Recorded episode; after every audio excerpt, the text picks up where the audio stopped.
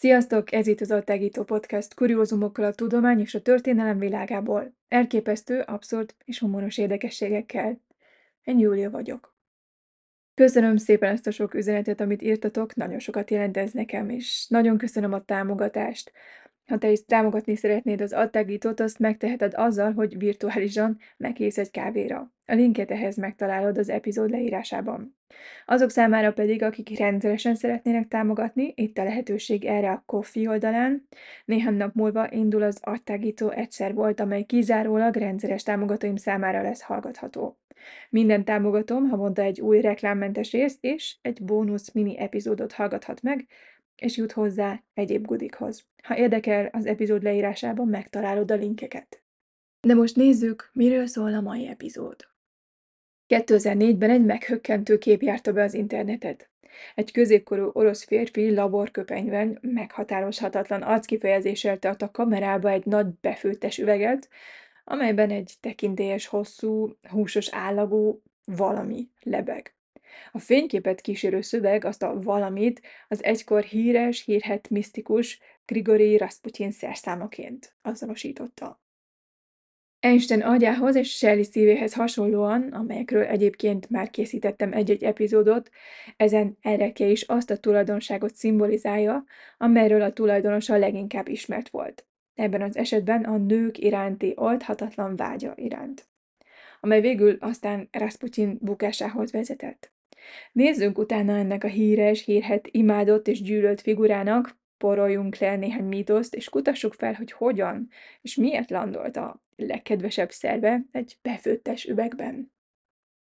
Grigori Jefimovics Rasputin 1869. január 10-én született a nyugat-szibériai Tobolsk tartomány Pokrovskoye nevű falujában. Korai éveiről nem sokat tudunk. A megtérése előtti évek rejtélyesek, kevés információ áll rendelkezésünkre gyerekkoráról.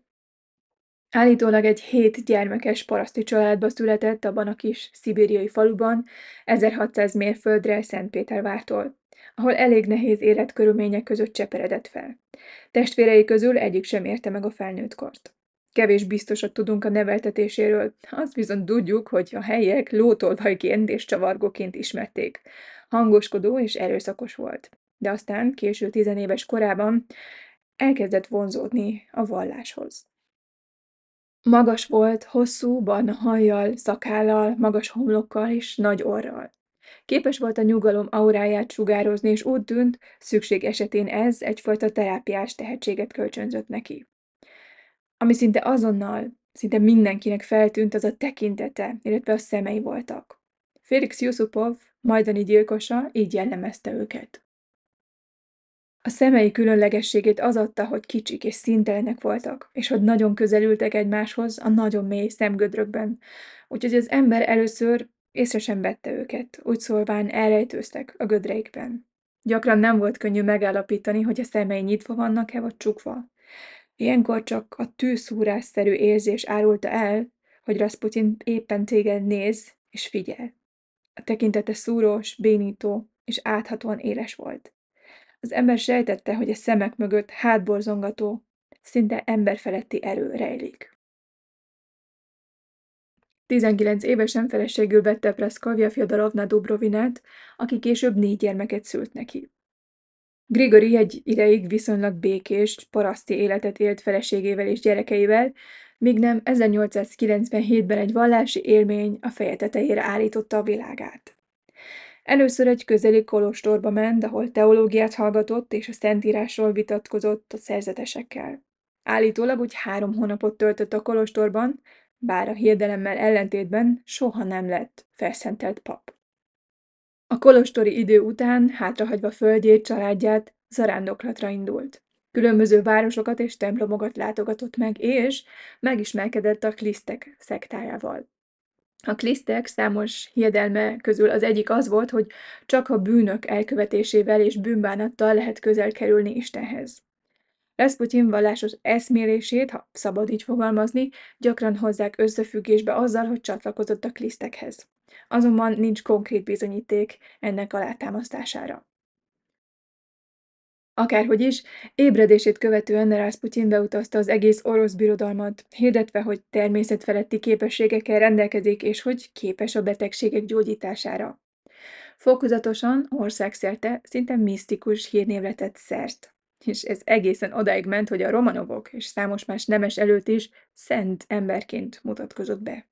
De még itt sem állt meg. Azt állította, hogy Isten azért küldte a Romanovokhoz, hogy megmentse az orosz birodalmat, sőt, önmagával kapcsolatban szerényen megjegyezte, hogy, idézem, szörnyű bűnei ellenére ő Krisztus miniatűrben.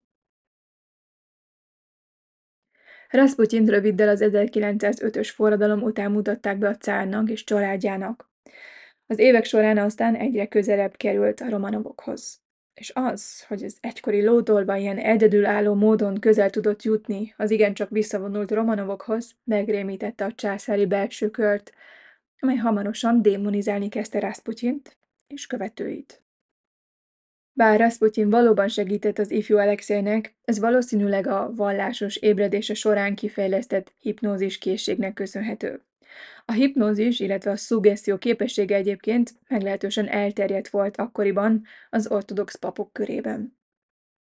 És Rasputin gyakran használta képességeit, különösen az orosz nemesség hölgyeinek lenyűgözésére. Apropó hölgyek. Önjelölt szentsége ellenére Rasputin számos bűnösnek tartott tevékenységnek hódolt. Az őrült szerzetes, ahogyan annyian nevezték, szerette az élvezeteket, a jó ételeket, az alkoholt és a nőket. Tény, hogy súlyos higiéniai hiányosságai ellenére, mivel ritkán mosakodott és már távolról bűzlött, Rasputin számos nemes hölgy kegyeit nyerte el.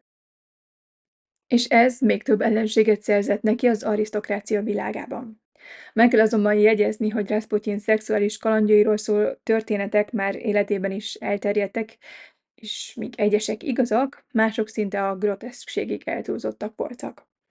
Bár Rasputin valóban látogatta a bordéházakat, és valószínűleg több nővel is lefeküdt, köztük azokkal is, akik követték őt, a róla szóló sztorik, miszerint szexmániás őrült volt, aki gyakran mutogatta állítólag nagy szerszámát, szinte biztosan csak kitalációk.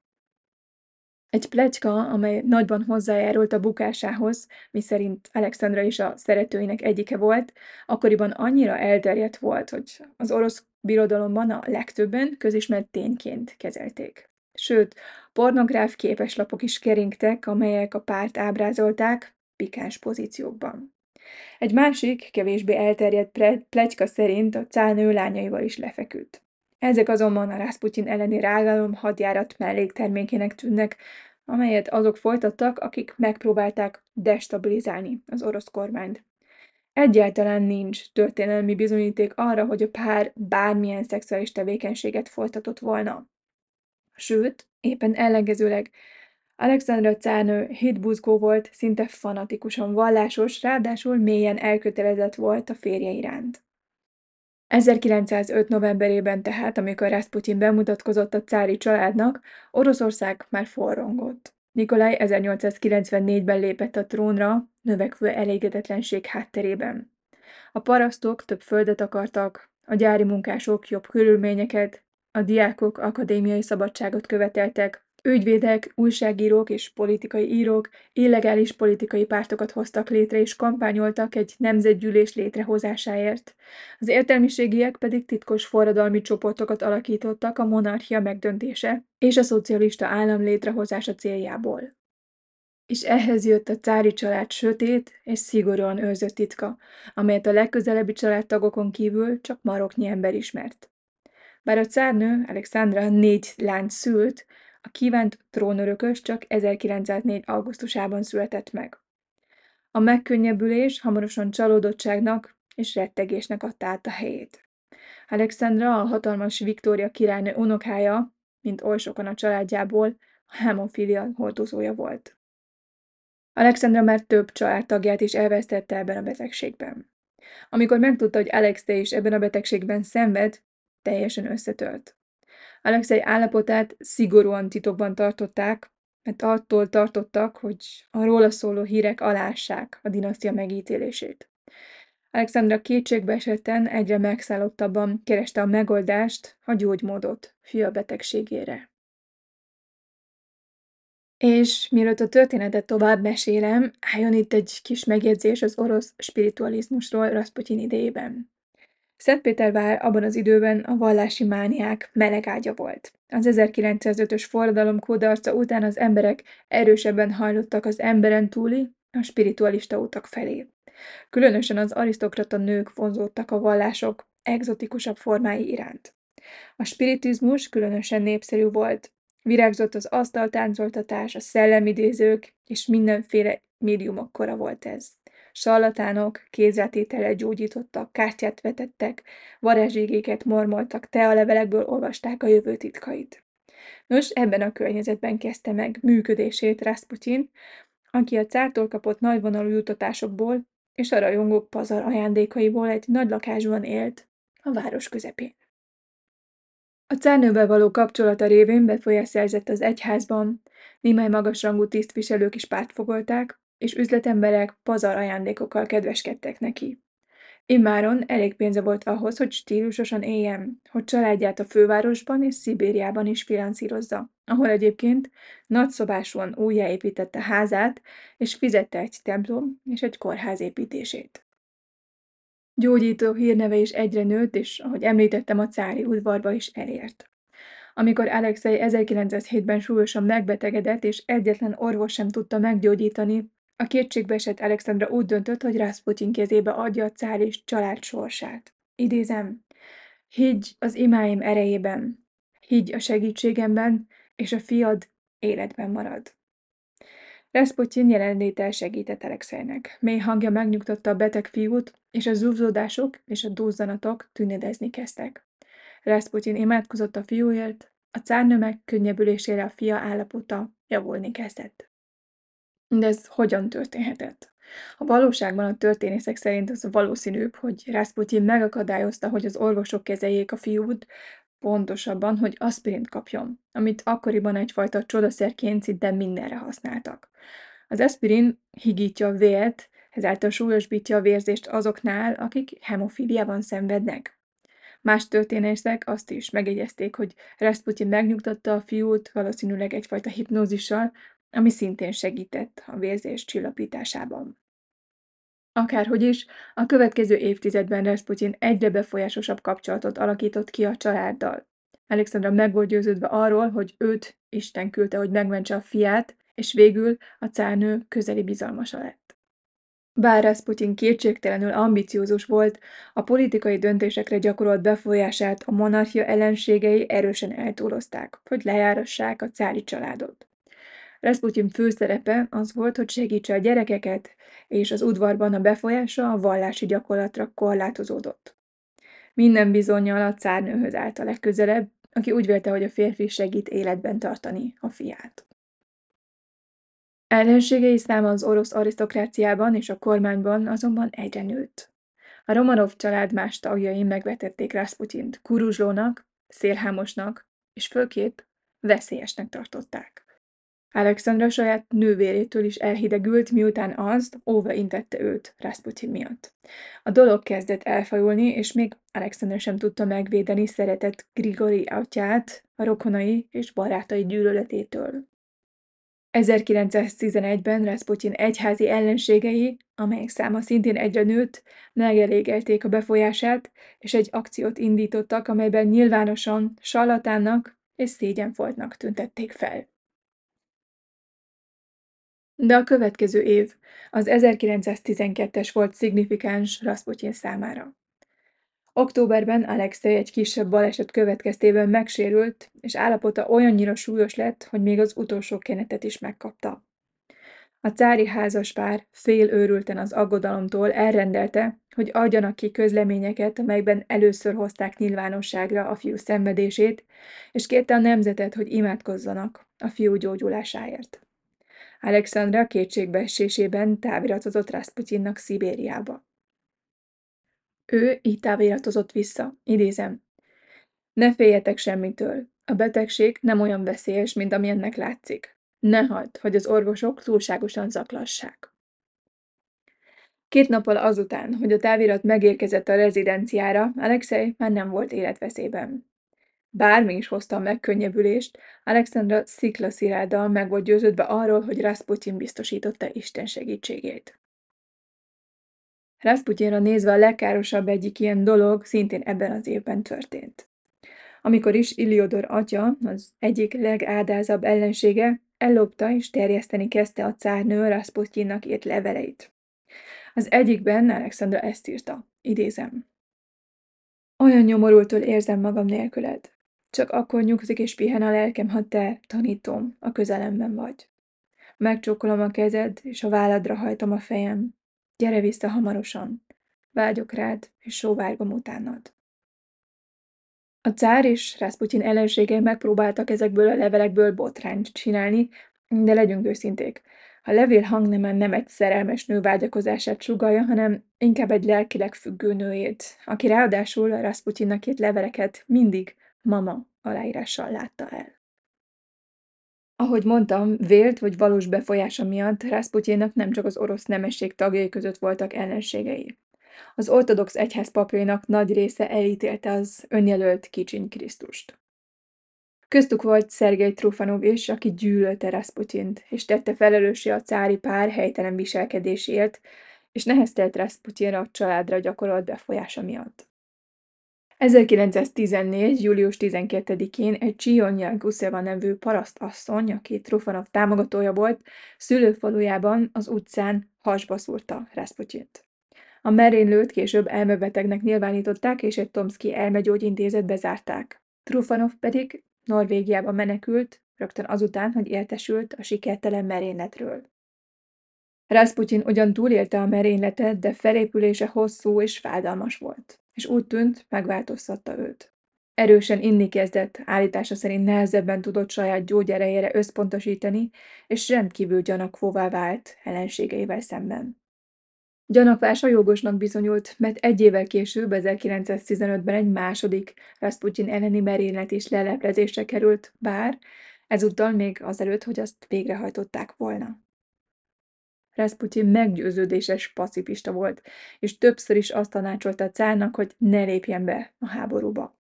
Egy Nikolajhoz írt levelében így fogalmazott. Idézem. Barátom, ismétlem neked, szörnyű veszély fenyegeti Oroszországot. Katasztrófa, vég nélküli szenvedés. Éjszaka van. Egy csillag sem maradt az égen. Könnyek óceánja, a vér óceánja. Mit mondhatnék még? Nem találom a szavakat. Egy vég nélküli borzalom. Tudom, hogy mindannyian háborút követelnek tőled, még a leghűségesebbek is. Nem vezik észre, hogy a szakadék felé szágoldanak. Ahogy látható, Rasputin befolyása nem volt akkora, mint a pelecskák szerint, hiszen a cár, illetve Oroszország igenis belépett a háborúba. 1915-ben már tombolt az első világháború. Nikolaj elhagyta a családját, és a keleti frontra indult. Rasputin megjósolta, hogy a konfliktus katasztrofális lesz az ország számára, és kataklizmikus következményekkel jár majd a monarchiára nézve.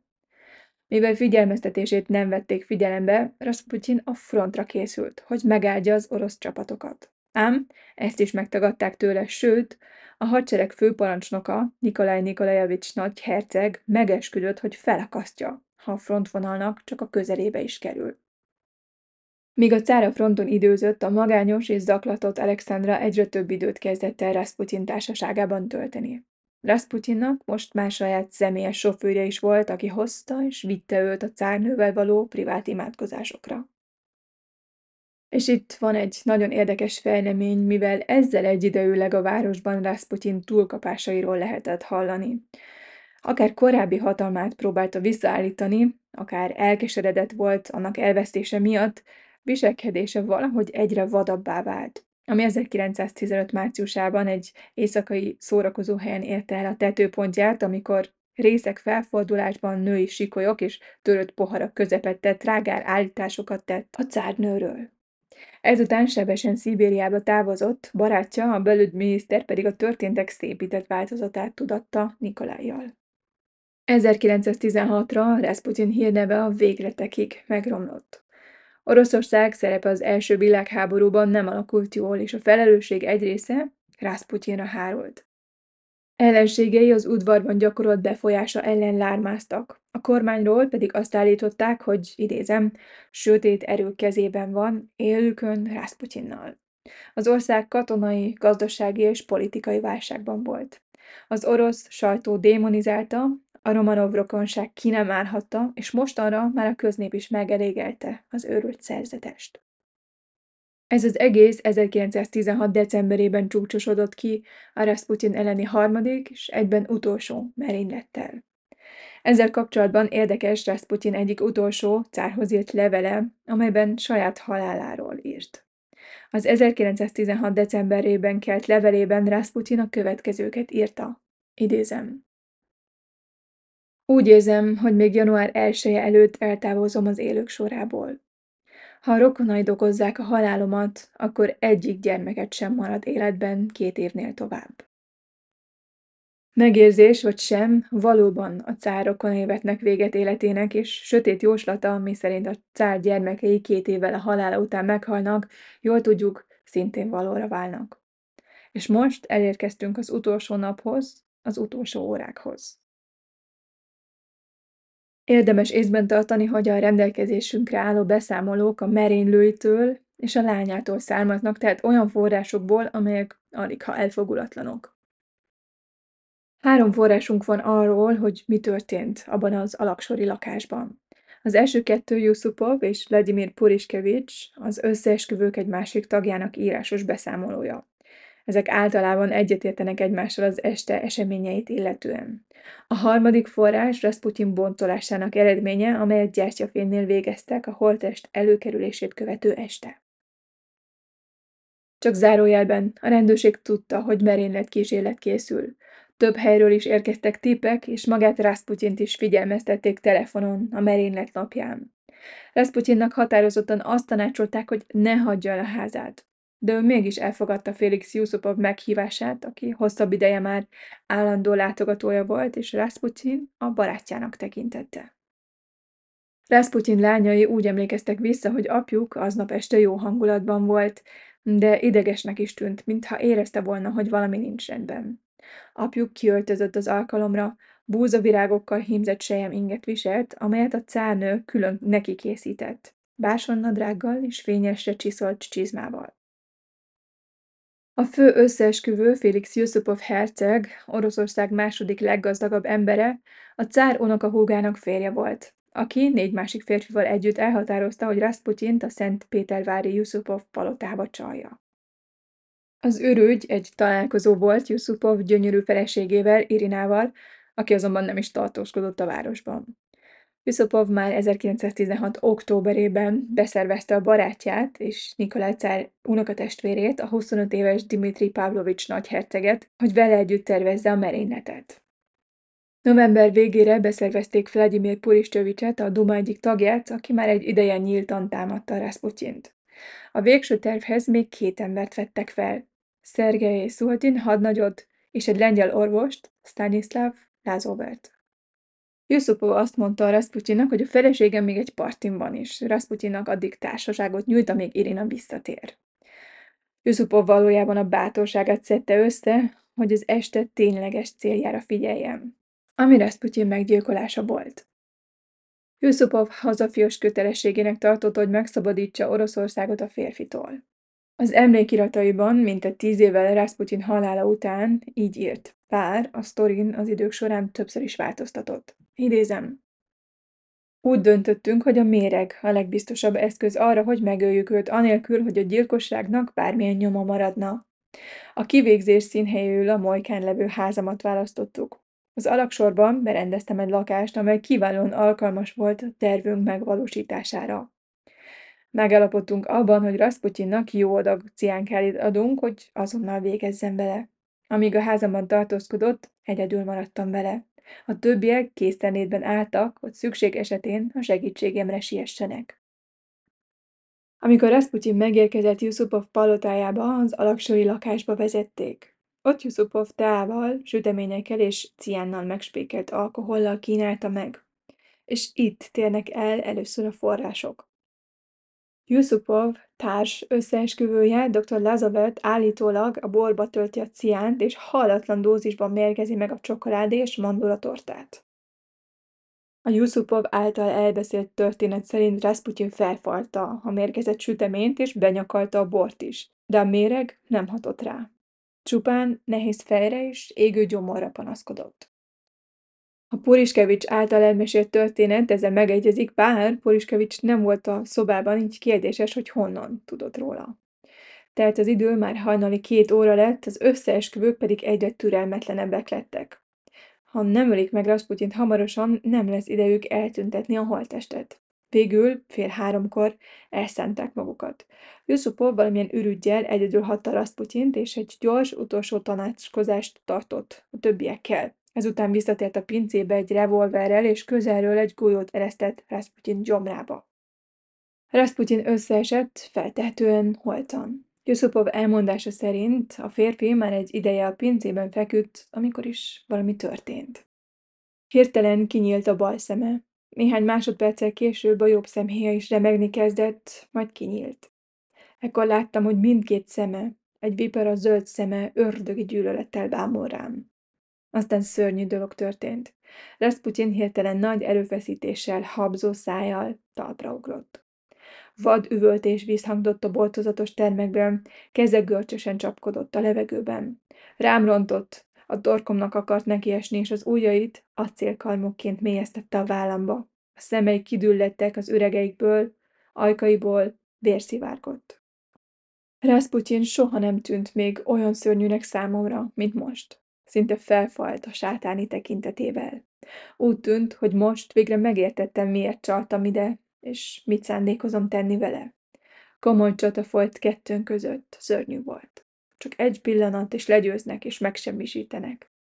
Éreztem, hogy Rasputin bénító tekintete alatt kezdem elveszíteni az önuralmamat. Az egész testem megbénult, a fejem körbe, körbe járt, semmit sem láttam magam körül. Végül Rasputin hirtelen félrelőgte őt, és kimenekült az épületből. Az összeesküvők utána rohantak, és lövéseket adtak le a menekülő férfira. Rasputint előbb hátába, majd a fején találták el. De még ez sem ölte meg Rasputint.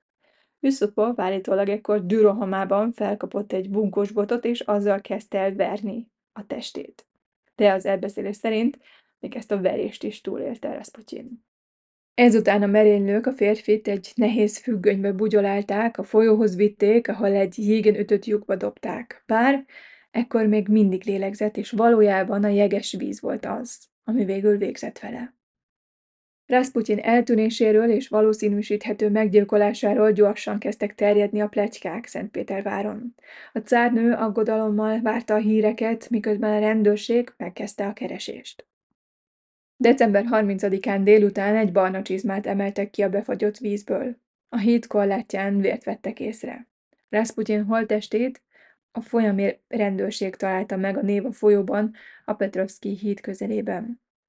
Amikor a hír kitudódott, a lakosság az utcán örvendezett, a templomokban hálaimákat mondtak, és gyertyákat gyújtottak meg az ikonok előtt. Jusupovot és Pavlovicsot nemzeti hősként ünnepelték. A belügyminiszter azonnal vizsgálatot indított Rasputin eltűnése, majd meggyilkolása ügyében.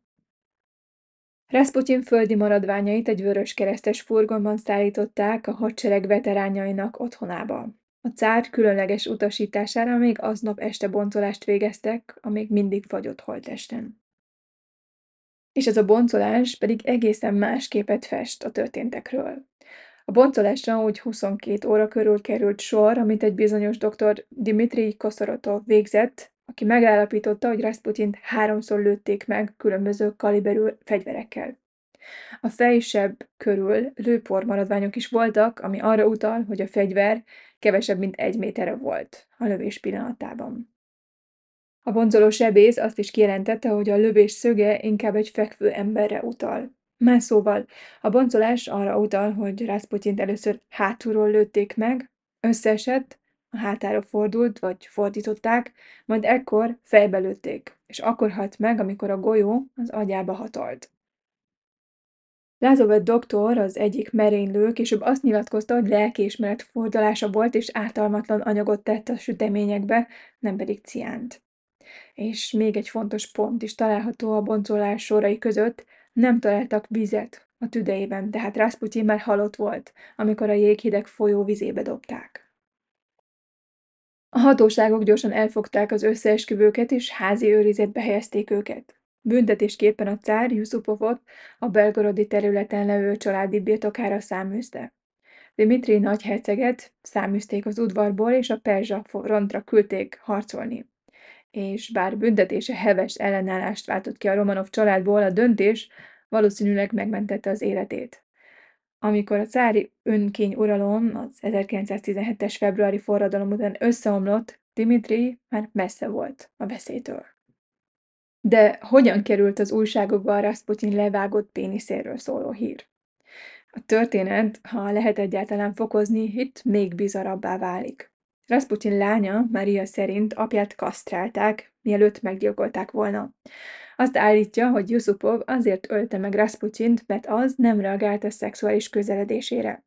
A herceg közismerten szívesen kényeztette magát férfiakkal, Rasputin viszont nem.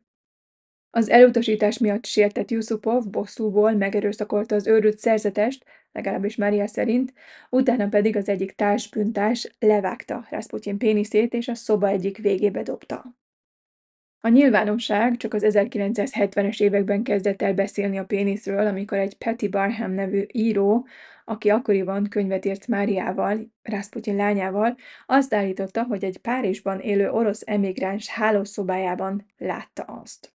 Barham szerint az emigráns húga a Yusupov palota egyik szolgájához ment feleségül, aki Rasputin meggyilkolása utáni takarítás közben bukkant rá a péniszre. Barham leírása szerint a micsoda egy fényes fadobozban feküdt, egy párnán, egy bársonypárnán, és úgy nézett ki, mint egy fekete, hosszú, kátrányos, túlérett banán. Állítólag Rasputin egykori híveinek egy kis köre minden héten összegyűlt a lakásban, hogy tisztelegjenek az ő, nos, emléke előtt. Amikor Rasputin lánya megtudta, hogy apja péniszét egy idegen hálószobában tartják, visszakövetelte azt. Ugyan sikerrel járt, de Mária halála után a tárgyat más személyes holmival együtt eladták a Bonhams londoni aukciós háznak. A ház munkatársai Mária kéziratait és az apjától birtokolt régi fényképeket is elvitték, de az összeaszott banán alakú tárgyat némi szkepticizmussal szemlélték. És, mint kiderült, joggal. A londoni Imperial College-ban végzett vizsgálatok kimutatták, hogy az valójában egy tengeri uborka. Igor Knyazkin, a 2004-ben közzétett fotókon szereplő férfi azt állítja, hogy a péniszt, amelyet megvásárolt, egy elhagyatott házban találták egy párizsi külvárosban az 1990-es évek végén. Knyazkin a tárgyat erotikus múzeuma számára szerezte be, amely egyfajta váróteremként szolgál a Szentpétervári Prostata klinikáján. Knyazkin gyűjteményének központi darabja Rasputin több mint 30 cm hosszú, Gőz és zselé célzott befecskendezésével újra formába hozott legjobb része.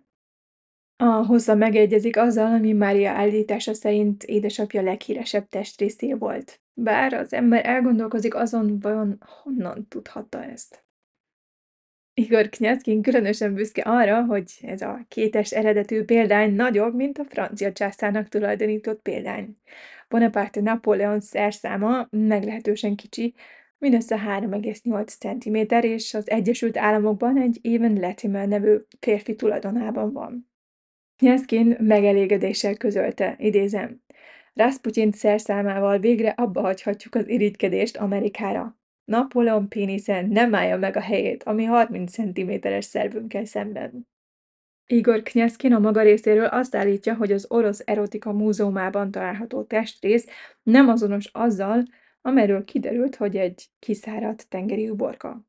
Azt azonban soha nem árulta el, hogy hogyan jutott hozzá. Akárhogy is, Rasputin halhatatlanná vált, kitörölhetetlen alakká az orosz történelemben és a popkultúrában. Halála után a cárnő visszaszerezte a hímzett inget, amelyet Rasputin meggyilkolásakor viselt, és egyfajta talizmánként őrizte. A boncolás után Rasputin holttestét előkészítették a temetésre, és a császári család egyik ikonjával a mellén helyezték a koporsóba. Január másodikán éjfélkor Rasputin cink koporsóját az Alexandri Parkban vitték, ahol titokban Nikolaj Alexandra és maroknyi más ember jelenlétében temették el egy épülő templom alá.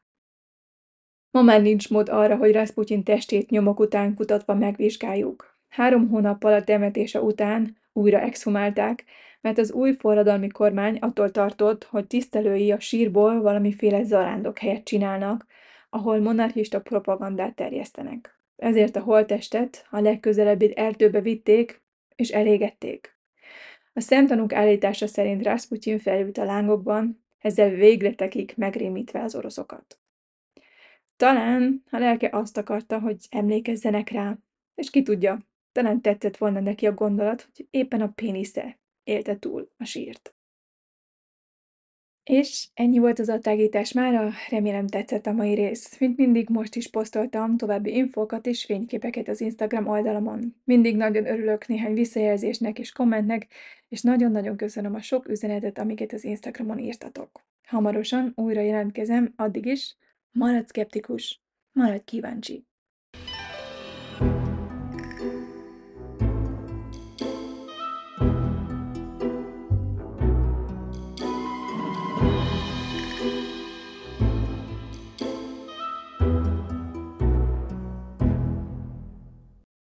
Ha más podcastekre is kíváncsi vagy, hallgassd meg a Béton műsor ajánlóját.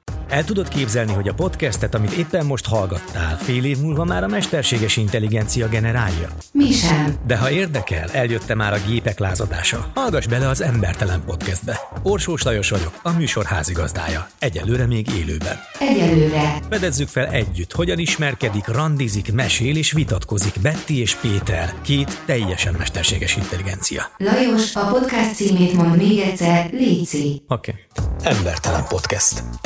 Ez a műsor a Béton közösség tagja.